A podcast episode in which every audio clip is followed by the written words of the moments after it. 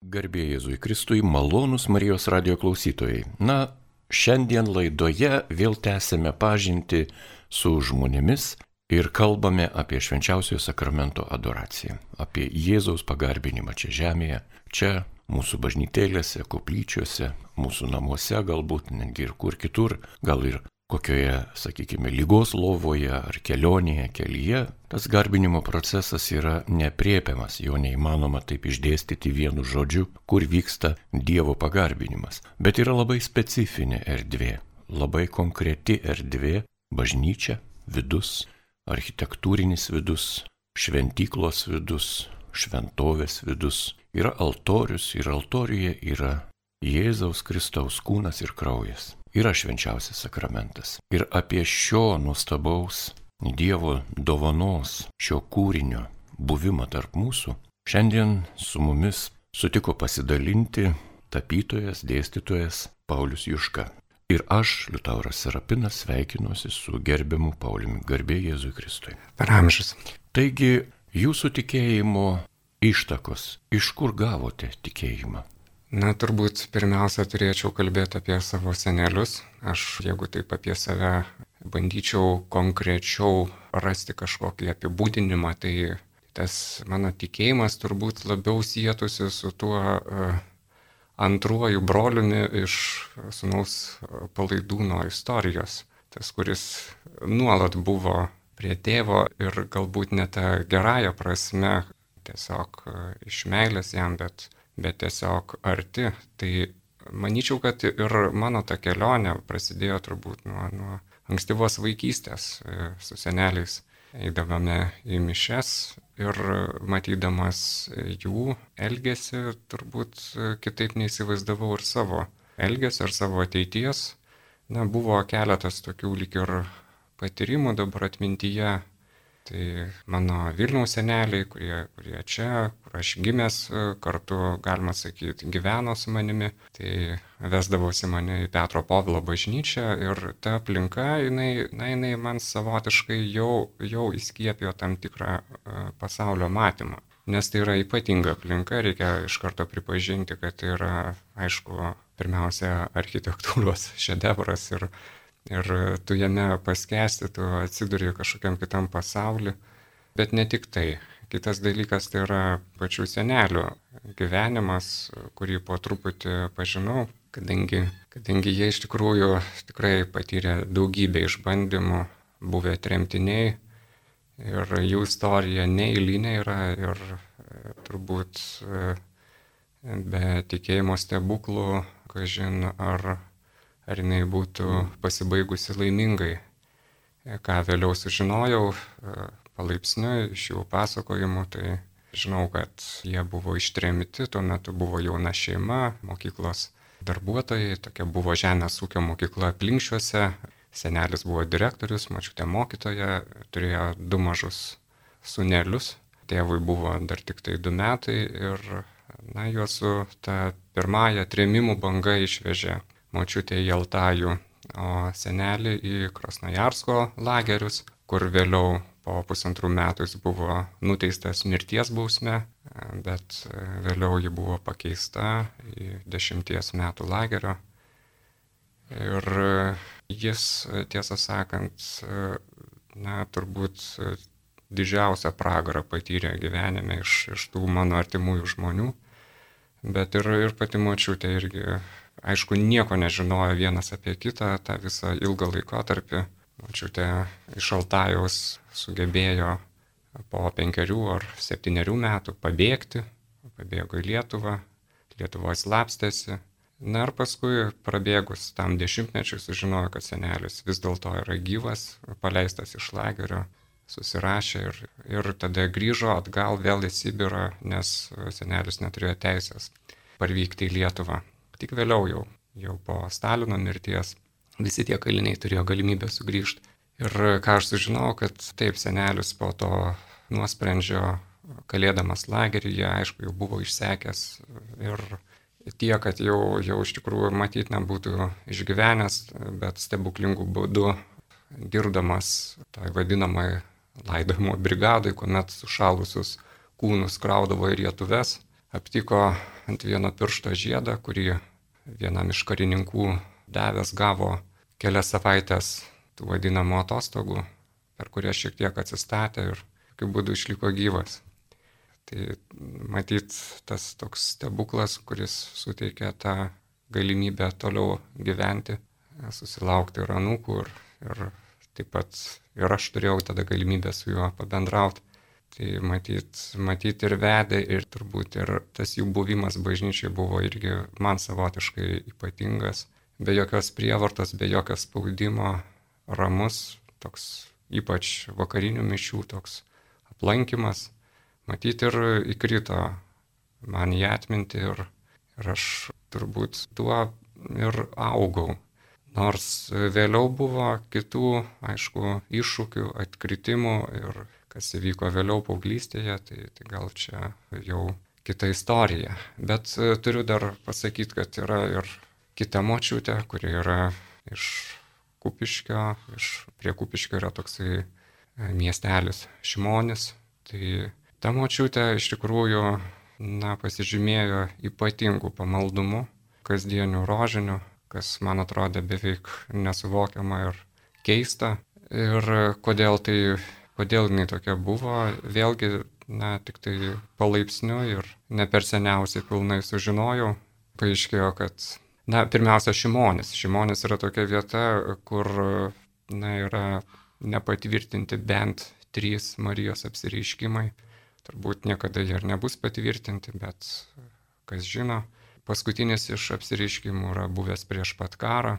Jis yra prašytas, jį matė net keli miestelio žydai, viena žydaitė atsivertė, bet neišgyveno per karą. Tai o tie patyrimai susijęs su Marija buvo tokie, na, pirmiausia, tai yra mano prosenelės, turbūt stebuklai reikėtų pasakyti. Gimė jinai ir nevaikščiojo tris metus. Jos motina, na, nuolat e, meldėsi, bažnyčioje. Na ir besimeldžiant vieną kartą, jau būdama trijų metų, prosenelė pradėjo vaikščioti būtent bažnyčiai. Tai va čia turbūt buvo tas toks įvykis, nuo kurio prasidėjo tas toksai gilus supratimas, kad, kad iš tikrųjų tie dalykai veikia. Ir tas supratimas rėjo iš pro prosenelės, proseneliai, tada mano močiutė, na ir tada jau tai jaunesniai kartai. Su jumis Marijos radijas.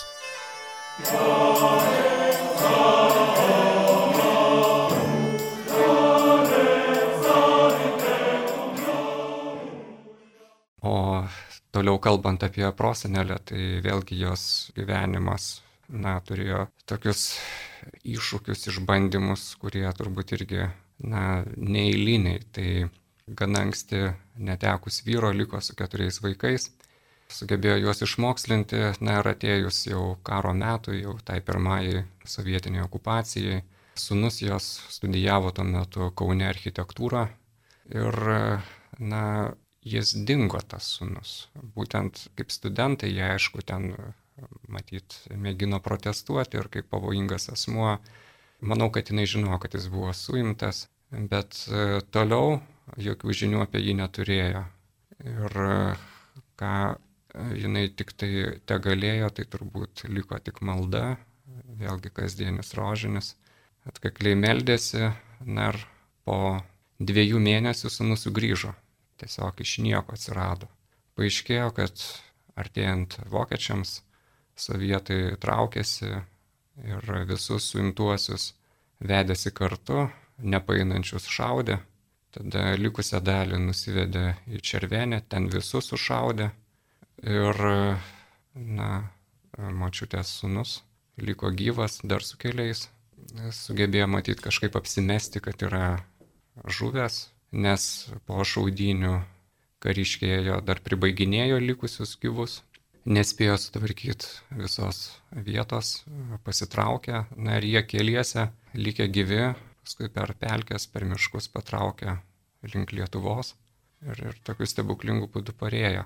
Tai va šitie įvykiai nuo to, nuo to laiko turbūt ir mano močiutė, tai, na, jai tai buvo šventas dalykas irgi rožinis ir Marijos globa, Marijos išprašyti stebuklai.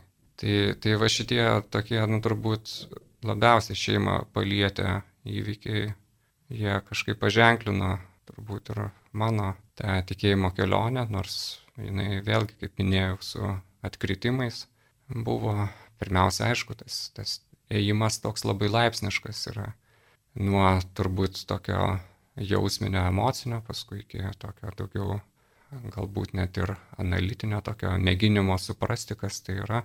Aišku, buvo ir paauglystės iššūkių. Tikrai noriu pasakyti, kad paauglystėje buvo ir tokio pasidygėjimo tikėjimo ir mes tuo metu čia Vilniuje lankydavomės dažniausiai jau Arkangelo Rapolo bažnyčioje. Atsimenu tas, tas mišes tokias, kur, kur ten tikrai visi susispietę kaip, kaip troleibuse, dusta, mišios dviem kalbom, kartais net trim - lietuviškai, lenkiškai, lotyniškai, tu nieko ten nesupranti, šiaip netaip įveiki tas mišes, o paskui jeigu dar būna švenčiausio sakramento adoracija, tas vadinamas išstatymas, tokio žodžio adoracija, aš tikrai tuo metu nežinojau, tai, tai, tai būdavo tikrai man labai labai sudėtinga, sunku ištvert kažkaip, na, norėjusi suprasti, ar, ar kodėl mes tą darome, kas čia vyksta ir Aišku, prasidėjo paieškos, buvo visko, vienas mano klasiokas tuo metu. Na, jis irgi iš tokios netikinčios šeimos, bet pats surado tikėjimą ir tuo metu jis buvo tikėjimo žodžio bažnyčioje, jis pasikvietė tenai, ten aš nuėjau, bet vėlgi ten aš mačiau, kad jie tokie lik ir labai e, tokie džiaugsmingi, taip gyvastingai aiškina tą šventą įraštą kažkiek žavėjo tas jų toksai, na, įsigilinimas, toks mėginimas atsakyti tokius klausimus. Bet aš jutau, kad, kad na, aš kažkur ne ten esu. Na, vat, vis tiek man ta tokia, vat, iš vaikystės ta ateinanti ramybė iš vakarinių mišių, turbūt, turbūt jinai kažkaip jinai mane emociškai pririšo prie, turbūt ir kultūriškai prie kitos aplinkos ir, ir kitokio supratimo. Na ir viskas turbūt persilaužė tuo metu, kai mirė mano senelis, tas, kuris išgyveno tremti. Tuomet per laidotuvės sutikau kunigą, kuris pakvietė į jaunimo mišes. Vėlgi Rapolo bažnyčia. Labai įdomios buvo mišios. Jos vyko Rusija, tamsoje, kur vienas kito mes nematėme.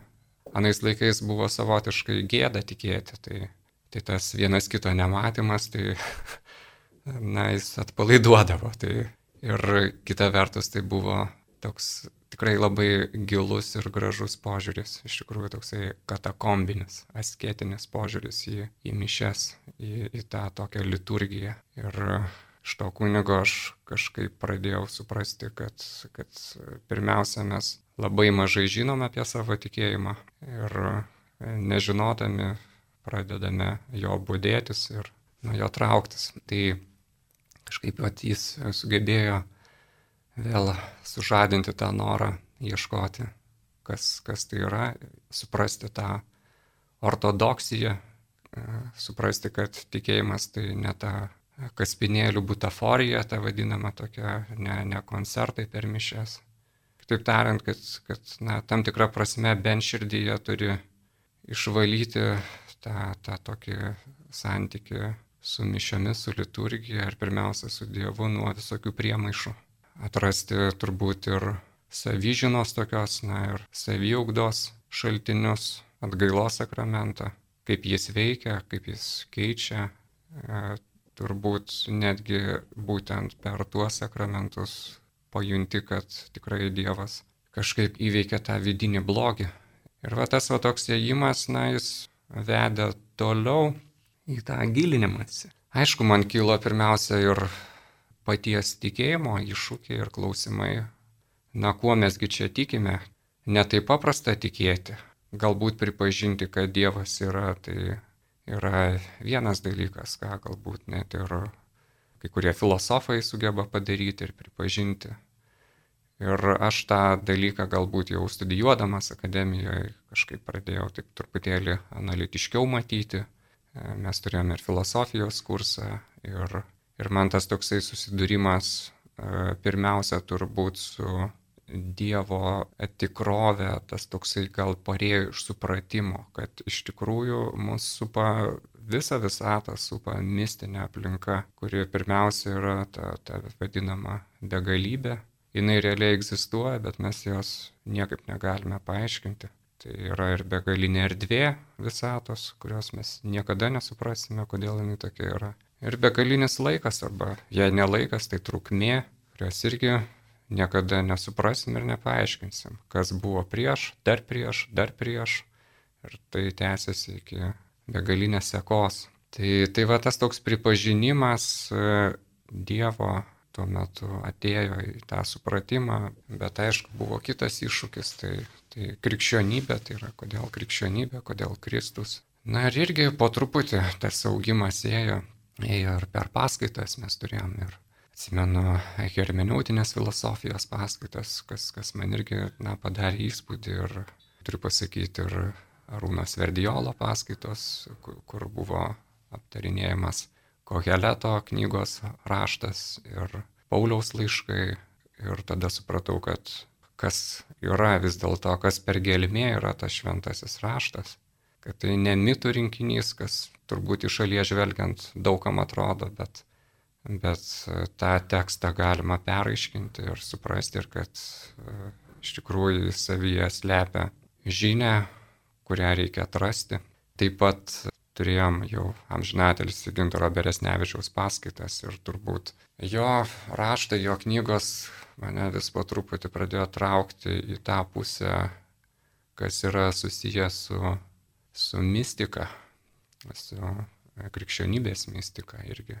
Turbūt e, pirmiausia iš jo knygelio sužinojau apie, apie dvasinę kovą, apie blogį, kuris realiai egzistuoja, apie vidinį blogį, apie išlaisvinimo maldą. Tuo metu sužinojau apie tokį autorių Romos egzorcistą tėvą Amorfą, kurio vėlgi knygas pradėjau skaityti.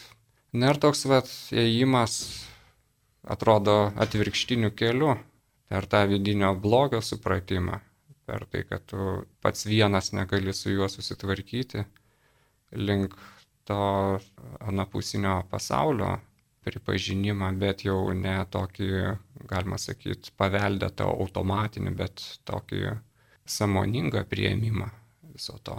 Ir, na, ieškodamas e, daugiau šaltinių, tokią irgi aptikau knygelę, ten galbūt daugiau apie katalikų šventuosius, kurie turėjo tų mistinių patirčių. Na tai čia aišku ir, ir Bernadeta, ir, ir tėvas Pijus, na ir galiausiai Faustina, Ir va tada, čia, čia nežinau, gal prieš kokį 20 metų, sakyčiau, tada aš, aš kažkaip, nu, atradau Faustiną, po truputį ir čia kaip tik Lietuvoje pradėjo tas ryškėti, tas Dievo gailestingumo žinios skleidimas. Pasirodė Faustinos dienoraštis, jį nusipirkau, išmokau tą vainikėlį. Na ir man turbūt, e, turbūt Faustina ir tapo ta tokia va, pagrindinė mokytoja mokytoja ta gerąją prasme, kad jinai ne kažką ten e, primeta, bet, bet tiesiog jinai pateikia, parodo tą patirtį, iš kurios tu mokais. Tu gali pripažinti, kas, kas yra tiesa, kas ne. Tai turbūt va tada, tada palaipsniui pradėjau suprasti ir kas yra ta adoracija. Tiesiog pradėjau išgirsti ir tą žodį, nes iki to, to žodžio aš, aš nežinojau. Aišku, tą tokį mes daugiau įsivaizduodavom tą ateimą į bažnyčią, pasėdėjimą, tą tokį jaukų pabuvimą, uždaroj, gražioj erdvėje, bet buvimą prieš Kristų, kad tu esi prieš Kristų. Tai, tai to tokio supratimo nebuvo arba jis nebuvo įsisamonintas. Bet prie to, aišku, matot, tikrai ilgas kelias, aš suprantu, kai kurie žmonės tiesiog akimirksniu jį patiria ir atpažįsta. Man, man tikrai Nebuvo lengva tą padaryti ir atpažinti ir pripažinti. Buvo labai daug abejonių. Ir, ir nesakau, kad ir dabar jų nėra. Ir, ir tikėti man tikrai labai sunku yra, ypač tokiais sekuliariais laikais, kai, kai atrodo, kad na, daugybė žmonių be to gyvena, gyvena laimingai. Bet kas įdomiausia, kai nu, tikrai va, skaitai e, šventą raštą, tą patį ar kokią letą, ar šiaip aš labai mėgstu išminties knygas, Saracidą ar patarlių knygą. Tai, tai, na, viskas galioja, nais laikais pasirodo irgi apie tą bedievystę tokią, na, buvo parašyta lygiai taip, kas, kas vyksta ir dabar, kad nieko naujo po tą saulę nėra. Bet tik tai turbūt tie, kad kai kalbėjai apie tą vidinį savo gyvenimą, tai, tai turbūt nėra kitokio būdo jį nugyventi, kaip einant ir, ir klumpant nuolat, parpuolant, mėginant keltis, vėl griūnant ir, ir taip toliau. Tai, tai tie tokie abejonės momentai, tie atkritimai, jie, jie tokie, nu, viena vertus jie, noriu pasakyti, kad jie kartais atrodo, kad gniuždo. Iš tikrųjų, nu, būna tikrai savęs klausi, ką aš čia veikiu. Juk vėlgi tie tos abejonės, juk tas ir šventas raštas. Na mes gerai, jeigu žinotume, kad jis tiesiogiai atėjo, kad, kad jis nepakeistas yra, bet žinome, kad, kad aišku, kad kad vargiai, kad jis yra nurašytas daugybę kartų. Visą laiką kyla bejonės, gal kažkas atsisėdo ir, ir surašė ar sugalvojo tą tekstą. Tai, tai va tos abejonės kažkaip, na, vieną kartą man atėjo toks supratimas, kad gal per, per tokią nuovoką, kad e, tikėti palengvina tada, kai tu matai, kad kiti tiki. Ir kartais e, tas vėlgi ypač naujo testamento tekstų skaitimas, na, kai juos skaitai, kai juos skaitai ir mėgini įsigilinti, tu pradedi akivaizdžiai jausti, kad tie, kas parašė, tikėjo tuo, ką parašė. Na, kad tai būtų sumeluota, labai, labai iš tikrųjų būtų sunku pripažinti. Ir, ir jeigu Jeigu ir mes apsigauname, tai turbūt ir verta apsigauti, nes, nes tai yra tikrai gražu. O tai, o taip, kai tai pripažįsti, tu pamatai, kad tai veikia. Ir na, aš kažkaip pastebėjau, kad tai veikia savotiškų būdų per tą pačią adoraciją. Tu pradedi kažkaip, na, suvoki, kad tai yra Kristus ir tu meldiesi, ateina turbūt tokios mintis pirmiausia, kuriomis tu atpažįsti, tas atpažinimo momentas. Toksai, vėlgi jis labai panašus yra, na, man visą laiką ta kelionė į Jamausą atmintyje yra ir kai eina tie mokiniai kartu ten vakare, eina keliauja tą miestelį, kalbasi su Kristumi, bet nežino, kad čia Kristus yra.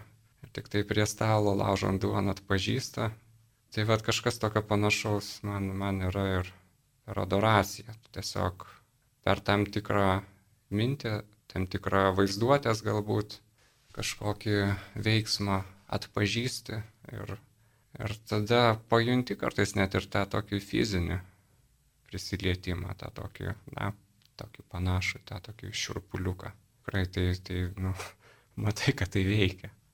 Tai, tai va, tai toks, toks mano turbūt tas ėjimas buvo link tikėjimas ir toliau vyksta, toliau tikėjimas turbūt e, ir bus susijęs su, su naujais klausimais ir naujais atsakymais. Tuo jis, tuo jis ir yra įdomus, kad, kad tu niekad nežinai, kas tavęs laukia už kampo.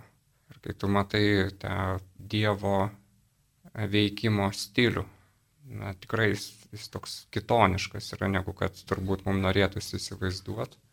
Tai jisai veikia staigmenomis. Per, per staigą netikėtai sutiktų žmonės, pakvietimus.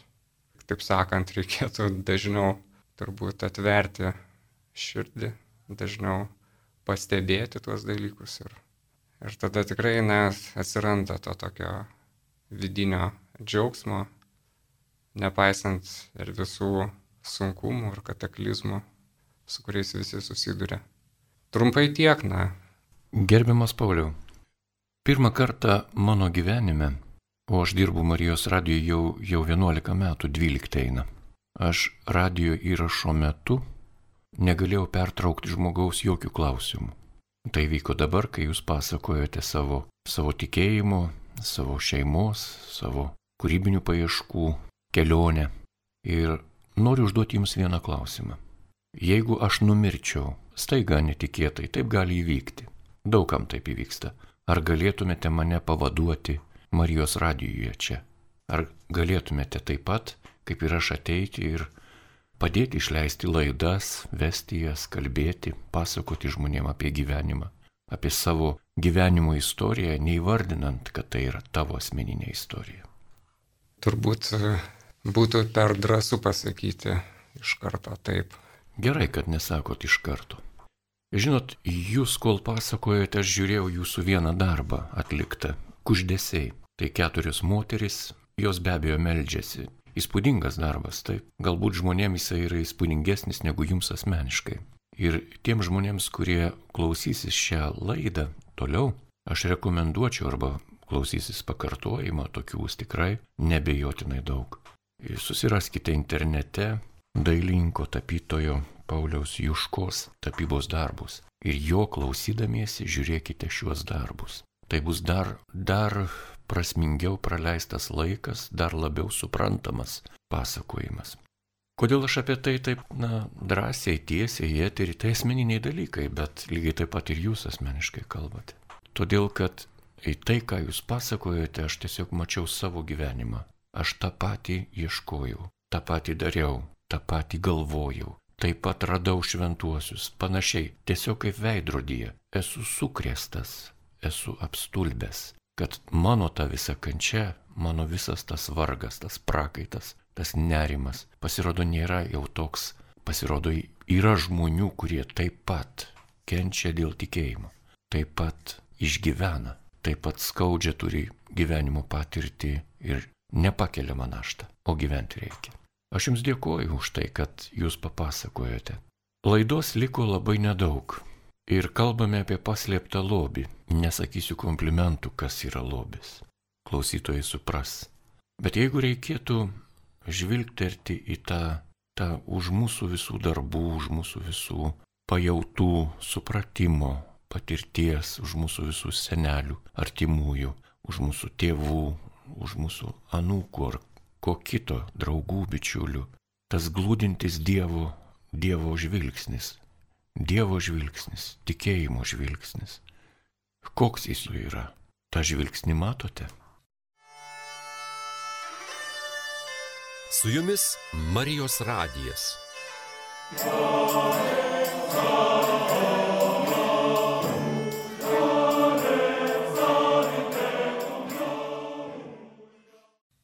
aš jau turbūt užsiminiau apie, apie nu, turbūt tas akimirkas, kai ateina tas atpažinimas. Ir jis dažniausiai ateina ne dėl mano pastangų. Apskritai viskas vyksta beveik be, be turbūt mano gabumų, be mano, kaip čia pasakyti, netgi Dievas veikia daugiausia padarydamas pats kažką e, mumise tam, kad, kad mus atvestų. O mums turbūt tik tai belieka sukurti tas sąlygas, sąlygas, kad jis veiktų. Ir, na, kas, kas mane taip pat vedė, turbūt dar toks vienas dalykas, kuris, kurį norėčiau paminėti gyvenime, tai Tai, na, klausydamas vėlgi tų pačių savo senelių ir, ir tos jų tikrovės, na, kažkaip e, mane žavėjo tam tikras, aišku, jų gyvenimo ir sunkumas, bet jis mane žavėjo. Ir praradimai žavėjo, skurdas žavėjo. Tas skurdas tapo mano paties kūrybos pagrindinė ašimi. Ir Galiausiai tai privedė prie to suvokimo savo paties skurdo, apie kurį dažnai užsimena ir pati Faustina, apie kartais bejėgiškumą, negebėjimą tikrai kovoti su vidiniu blogiu. Ir, ir tada tu pamatai, kad tada veikia Dievas. Jeigu, jeigu pavyksta pagaliau pas jį nueiti, kai tu matai, kad tu esi visiškai bejėgis, bet pavyksta šiaip netaip nueiti, atlikti atgailą, pamatai, kad visi sunkumai tiesiog akimirksniu dinksta, kažkoks stiklas nusileidžia ir vėl kurį laiką tu esi visiškai laisvas, atsiranda tam tikra tiesiog na, lengvumo, turbūt jausena. Ir tada tu matai, kas yra ta tikroji mistika. Ta tikroji mistika tai nebūtinai yra girdėjimas, matymas, gal net ir ačiū Dievui, kad negirdim, nematom, nes tada būtume dar labiau pareigoti liūdėti tikėjimą, ko aš, pavyzdžiui, nesugebu daryti. Bet, bet yra mistika, kuri veikia tyloje, tarsi būtume dviejose skirtingose kambariuose, Dievas vienam, tu kitam. Ir tik tai, kai, kai esi visiškoje tyloje, gali, gali bandyti suprasti, girdėti, kas yra už sienos. Arba veikia per tą skurdą, per tą tokį bejėgiškumo supratimą, kai jis tiesiog randa būdų pradžiuginti per gyvenimo aplinkybės. Staiga netikėtai. Ir tai reikia vėlgi turbūt pajausti ir atpažinti jo veikimo stilių, tą charakterį. Tokį. Pradedi suprasti, kokio charakterio yra Kristus. Malonus Marijos radio klausytojai, jūs girdėjote pasakojimą, kurį jums atvėrė šiandien laidoje tapytojas dailininkas Paulius Juška. Jo nekalbino Liutauras Serapinas šioje laidoje. Likite su Marijos radiju. Pauliu, gal jūs turite kažkokį tai sumanimą ar kažkokį tai tikslą atėjęs čia? Gal jūs norite kažką dar ištarti? Padėko turbūt turiu už kvietimą. Tuos dalykus na, aš savyje ilgai nešiojau, turbūt ir neturėjau progos pasidalinti. Tai turbūt geresnės progos ir, ir nesulaukčiau. Labai sunku rasti žmonių, kuriais galėtum galbūt ir pasitikėti ir jais, su jais dalintis tikėjimo dalykais, bet jų pasirodo yra, jie tarsi kažkur išsisklaidę, šiek tiek mažiau matomi, bet, bet va, per tą tokį kartais atvirumą, leidimą savo kažkur sudalyvauti, aptinki, kad jų yra. Ir šiandien ačiū Dievui, susipažinau su jumis. Tai iš tikrųjų tas labai sustiprina, kai tu matai, kad tu ne vienas toks esi, kad ir kiti ieško, ir kiti gilinasi. Gal mūsų mažai, gal mūsų liks visai nedaug, gal ir mes nesugebėsim parodyti to tokio tikro tikėjimo pavyzdžio, nes, nes na, esame žmonės silpni, sunku būti tobulais ir, ir galbūt labai pavojingai įsivaizduoti, kad mes galime būti tobuli na, per atstumą reikėtų tai žiūrėti, kaip tik daugiau leisti veikti Kristui. Kiek jis padarys mumise, tegul tai būna jo garbiai. Ačiū tiesiog visiems. Ačiū ir jums, gerbiamas Pauliau. Iki kitų susitikimų eteryje.